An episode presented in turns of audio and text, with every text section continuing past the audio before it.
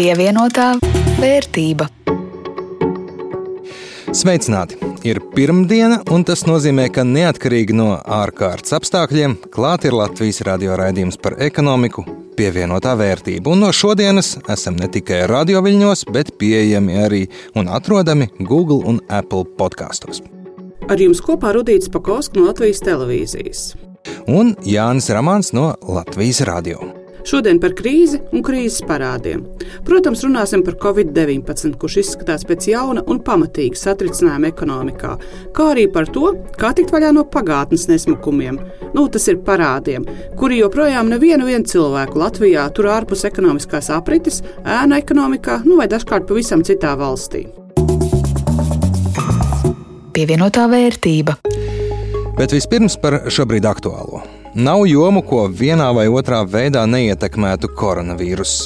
Bez bažām par katra personīgo veselību, veselības aprūpes sistēmu spēju tikt galā ar izaicinājumiem, nopietns satraukums ir arī par ekonomikas veselību.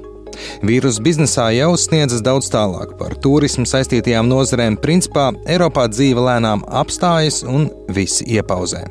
Un, protams, kā katrā krīzē, Ir pa kādam ieguvējam, diez vai, piemēram, mazumtirdzniecības ķēdes, aptiekas, dezinfekcijas līdzekļu un konservu ražotāji šobrīd varētu būt tie, kas sūdzas par būtiskiem zaudējumiem. Bet nenoliedzami, līdz ar robežu slēgšanu pasažieriem aicinājumiem nepulcēties cieši daudzi, jo daudz biznesi. Un likumsakarīgi uzņēmumi ar jauniem līgumiem un saistībām neaizraujas. Vienkāršot sakot, daudziem darbs apstājas, uzņēmumi nepelna un netērē. Nauda gluži kā asinsritē, ekonomikā cirkulē, un tagad tas notiek arvien lēnāk.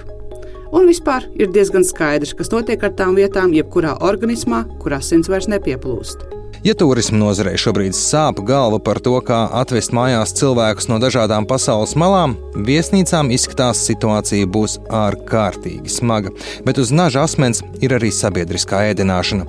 Daudz viet izskan aicinājumi pasūtīt ēdienu mājās, pirkt dāvanu kartes, kā vien iespējams, palīdzēt viens otram pārdzīvot šo laiku. Es parunājos, un lūk, ko man teica Sandija no Siguldas kafejnīcas Esi. Es saprotu, ka tas risinājums, ko jūs nu, šobrīd arī piedāvājat, ir, ka Visu var pasūtīt mājās. Jā, tā ir.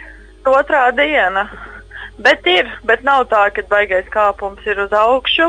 Bet kaut kas pamazām kustās, un nav tā, ka arī cilvēki nenāk. Nāk, bet nu ievērojami mazāk. Nekādas plānas neveidojam, jo neviens nezina, kas būs un kā būs. Situācija katru dienu mainās, tāpēc baigās plāns, man liekas, nav īpaši jēga kalt, pirms kaut kas ir noticis. Dzīvos redzēs, kā saka. Jā, tieši šī nozara šobrīd, un atgādina, ka šīs sarunas ierakstītas svētdien, dzīvo uz naža asmens. Un ne visiem dažādie ēdienu piegādes servisi ir atbild uz jautājumu, kā izdzīvot. Nu, jo, kā atzīst Lauris Grass, restorāna mākonis un kokteļu bāra minoks vadītājs, jau rodas jautājumi par to, kura restorāna pasūtījumu piegādās pirmo par cik mums nebija sava autonoma piegāde un strādājām tādā pasargātā formātā tikai caur šiem nu, jau labi zināmajiem servisiem. Uh, Tad es teiktu, ka drīzāk ne, ka tas nav nekāds glābiņš tāds piliens jūrā, jo kaut vai tāpēc, ka ir nenormāla konkurence šobrīd uz šiem piegādes servisiem un tur ļoti ilgi gaidīšanas laiki. Un, um, tas apjoms, ko sastāv tādā veidā, ir salīdzinoši neliels. Attiecīgi, jebkurš restorāns šobrīd grib, lai viņu apkalpo šie divi, praktiski divi uzņēmumi, kas šobrīd to nodarbojās. Un tad ir tādi, kuriem ir sava autonomija piegādes mehānismu. Es pieļauju, ka tas būtu šobrīd efektīvāks.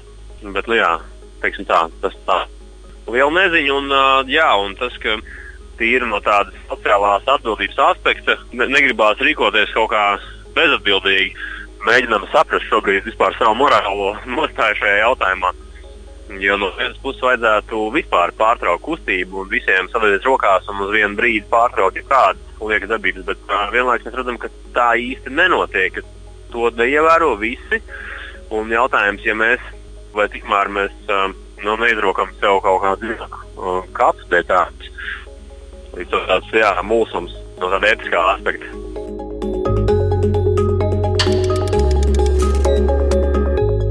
lai nepieļautu dramatiskas sekas un lai ekonomika nebūtu galu galā, nu, teiksim, salīdzinājumā jāpieslēdz mākslīgās elpināšanas aparātiem, valsts un valstu savienības sāk domāt par vitamīniem. Ne tikai domā, bet arī to dara. Tā Eiropas centrālā banka ir paziņojusi, ka palielina obligāciju uzpirkšanas programmu šim gadam par 120 miljārdiem eiro. Katru mēnesi obligācijās iztērējot 20 miljārdus. Turklāt, sākot no jūnija veselu gadu tā bankām aizdos naudu uz ļoti izdevīgiem procentiem - 0,25% zem bāzes likmes, ja esam juridiski precīzi, un šī likme, šī bāzes likme šobrīd ir apaļa nulle, kas nozīmē, ka no jūnija Eiropas centrālā banka praktiski piemaksā bankām par to, ka tās izsniedz aizdevumus maziem un vidējiem uzņēmumiem. Latvijā valdība ir gatava uzņēmēju atbalstam krīzes laikā tērēt vienu miljārdu. Naudu, kur ir aizņemta, bet reāli ir valsts kasē. Kā tieši atbalstīt uzņēmumus, par to spriedīšot šonadēļ. Ekonomikas ministrija piedāvā ieviest nodokļu brīvdienas, sadarbībā ar komercbankām padarīt pieejamākus kredītus. No darbinieku atbrīvošanas gan neizdosies izvairīties, un te ministrija piedāvā starp valdību, darba devējiem un arotbiedrību panākt vienošanos. Darbiniekus vienkāršotā veidā var nosūtīt bezalgas atvaļinājumā, savukārt šiem darbiniekiem bankas iesaldē kredītmaksājumus un citas saistības, līdz dzīve, cerams, nu, vairāk vai mazāk atgriežas ierastajās sliedēs. Centrālo banku un valstu valdību ārkārtas lēmumi ekonomikas atbalstam finanšu pasaulē spēja dot gan tikai īslaicīgu mierinājumu, jo akciju tirgos cenas turpina strauji lejupslīdi. Pēdējās nedēļās pirmdienas rītos biržas atveras ar strauju kritumu, runām par kārtējo melno pirmdienu, lai tirzniecības nedēļu noslēgtu jau ar jaunu melno ceturtdienu vai piekdienu. Tā piemēram, piekdiena 13. ASV un Londonas biržās 10% kritums un sliktākā diena kopš 1987. gada Parīzē un Frankfurtē mīnus 12%, jauni vienas dienas rekordi, Milānā mīnus 17%, arī sliktākais rādītājs kopš indeksa ieviešanas. Jau iesākumā pieminēju, Krīzē ir arī ieguvumi, un viens no tādiem ir degvielas cenas. Beidzot, tās ir nonākušas arī līdz Latvijas uzpildes stacijām, tādā redzamā un makā sajūtamā veidā. Pēdējās nedēļās kritums par aptuveni 15 centiem litrā, nu, atkarīgs no tirgotāja. Viens no iemesliem, protams, koronavīrus, jo pārvietošanos pasaulē ierobežo, bet otrs iemesls ir naftas ieguvēju valstu strīdi un nespēja vienoties. Būsiet noteikti dzirdējuši par naftas eksportētāju valstu organizāciju, jeb OPEC. Vienkāršā valodā runājot, tas ir legāls naftas ieguvēju kartelis, kurš vienojas par cenām un regulē tirgu pēc savas patikas. Viņi to dara ierobežojot vai palielinot naftas ieguvi. Nu, tur ir vienkārši tirgus loģika. Jo mazāk naftas, jo tā dārgāka, jo vairāk naftas tirgu, jo tā lētāka. Martā šīs valstis sanāca kopā, centās vienoties, ka naftas cenu kritumu vajadzētu apturēt, un iegūtu par 1,5% mazāk naftas nekā līdz šim. Uz papīra tas nozīmētu to, ka cenas vairs nesarūk. Bet šī nav vienīgā vienošanās. Jau pērn tika pieņemts līdzīgs lēmums, bet ir šaubas par to, vai viena no lielākajām naftas ieguvējām - Krievija. To pilda. Tādēļ vienošanos neizdevās panākt. Krievija uzstāja, ka grib pārdot vairāk naftas par lētāku cenu. Uz ko Persijas līča naftas ieguvēja valstis, Saudārābija un Arābu Emirāti atbildēja: Labi, mēs darīsim tieši tāpat un pārpludināsim Eiropas tirgu ar lētu naftu un palielināsim to ieguves apjomus. Un visu šo rīcību rezultātā naftas cena šobrīd sarukusi uz pusi, ja salīdzinām ar gada sākumu. Te gan jāpaturprātā, ka cenu kari nevar būt mūžīgi. Pēc ekspertu aplēsēm Krievija šobrīd zaudē aptuveni 100-150 miljonus dienā, un to ilgi atļauties nevarēs. Savukārt Persijas līča valstis, ja gribētu, varētu turpināt šo pat ilgāk nekā gadu. Nu, bet agri vai vēlu karteļvalsts atkal būs pie viena galda un panāks kādu vienošanos, kas visticamāk naftas cenas paaugstinās. Pievienotā vērtība.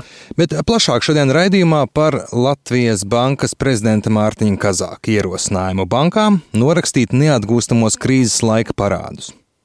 Priekšlikums, kurš izraisīs visai dažādas emocijas sabiedrībā, un, piemēram, tāds pārticis kungs kā Jurģis Liepnieks Twitterī jautā bez kautrēšanās, vai bankas prezidents maigi sakot ir nekompetents muļķis, un ir pārliecināts, ka nekas tāds parādu atlaišana nenotiks.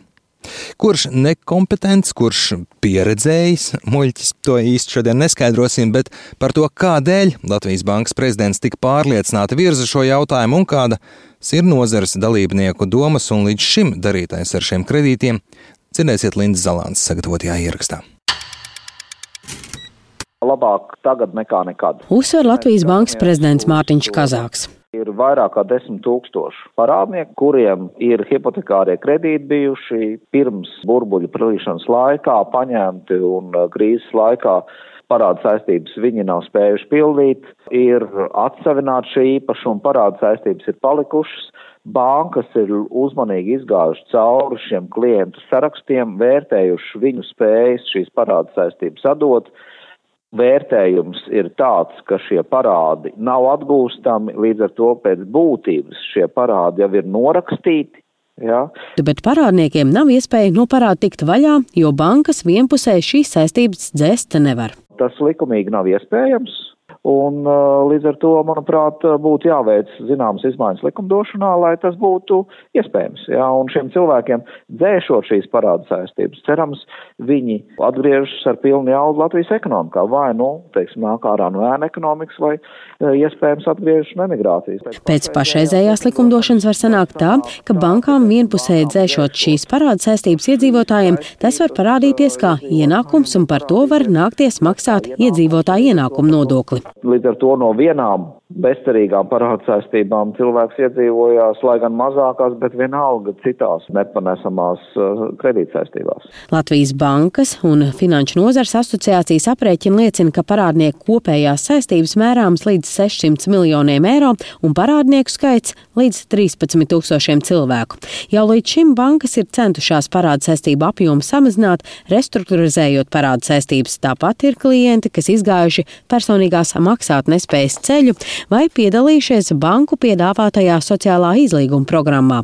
Finanšu nozars asociācijas vadītāja Sanita Bajāra uzsver, ka lielākā problēma, kāpēc šis process nav noticis aktīvāk, ir saistīta ar cilvēku sasniedzamību. Nu, daudzi cilvēki arī ir izvairījušies kontaktēties ar banku, un daudz cilvēku arī ir, mēs uzskatām, emigrējuši. Līdz ar to tādā veidā arī faktiski nav sasniedzami. Tā ir tā viena no galvenajām problēmām, kad, kad tās parāda saistības ir dažādās kredītiestādēs, un varbūt viņas ir ne tikai bankām. Līdz ar to atrisinot varbūt jautājumu ar vienu banku, tas neatrisina jautājumu kopumā. Stāsta Svetbanka hipotekārās kreditēšanas atbalsta daļas vadītājs Ainārs Balcers. Un, un vēl varbūt viena daļa ir tāda, kas vienkārši nu, nenotic līdz galam un nav gatavi nākt uz sadarbību, jo runa ir par 90% apmērā parāda atlaišanu. Iespējams, ka daļa cer, ka arī tos desmit būtu jāatlaiž. Ja? Kamēr mēs runājam par parādu, kas ir 5, varbūt tās tūkstoši eiro apmērā, kas ir palicis pāri, vai pat varbūt vēl mazāk, ja? nu, tā liekas summa, ko varētu saprātīgā termiņā arī bankai atdot. Bet saprotams, ka ja pēc visu iespējamo risinājumu tur īpašumu konkrētā pārdošanas, eh, kas parasti notiek izsolē, un eh, ja saistība atlikums vēl joprojām palicis vairākos tūkstošos, vairākos desmit tūkstošu, un tas ienākuma apjoms ir tāds, kāds viņš ir, tad skaidrs, ka eh, nu, tur vienīgais risinājums ir vienoties ar aizdevēju par daļu šī parāda atlaišanu. Balcers uzsver, ka šis bija līdzinējais risinājums, bet tas līdz galam nestrādā. Nepieciešams jauns regulējums, kas attiecināms uz godprātīgiem klientiem, krīzes upuriem ļoti negribētos, lai ar šo mm, iniciatīvu tiktu dots signāls sabiedrībai, ka par saistībām var nemaksāt. Tas nebūtu tā nav, ka saistības ir jāpilda, bet noteikti ir kaut kādi objektīvi apsvērumi, kas šobrīd ir novedis daļu no sabiedrības tādā finanšu izolācijā, no tautsēmniecības viedokļa, protams, būtu svarīgi atrast risinājumu, kā šos cilvēkus atgriezt atpakaļ ekonomiskajā apritē. Arī banku augstskolas docents Kristaps Lešinskis uzsver, ka saistībā ar parādu dzēšanu ir jābūt ļoti uzmanīgiem ar komunikāciju. Tajai jābūt tiešai un saprotamai. Pretējā gadījumā sabiedrībā var rasties neizpratne, ka notiek plaša parādu atlaišana. Vispārināti apgalvojumi, ka tiek atlaisti trek no gadu eh, kredīti, jā, nu, tad es domāju, ka daudz paudīs eh, lielu neapmierinātību, gānīs eh, droši vien politiķus valdību, kas it kā piekrīt, tas varētu radīt nu, tādu, nu, jā, nu, es teiktu, komunikācijas kļūdu un lieku skumēšanās, jo nu, patiesībā jau tas, kas tiek darīts, ir tīri ļoti tāds tehniska lieta, bez praktiski nekādas fiskālas ietekmes drīzāk nu, kaut kādā nākotnē tam varētu būt nu, pozitīva ietekme. Latvijas Banka un Finanšu nozars asociācija iecerējusi jauno parādu atlaišanas regulējumu iedzīvināt vēl šajā gadā. Lai to izdarītu, priekšlikumi vispirms jāliek galdā atbildīgai saimnes komisijai. Linda Zalāne, Latvijas radio. Un raidījums pievienotā vērtība izskan. Ar jums kopā bija Rudīts Pukovskis no Latvijas televīzijas un Jānis Ramāns no Latvijas radio. Esiet droši, turieties viens no otra pa gabalu un tiksimies nākamnedēļ. Pievienotā vērtība.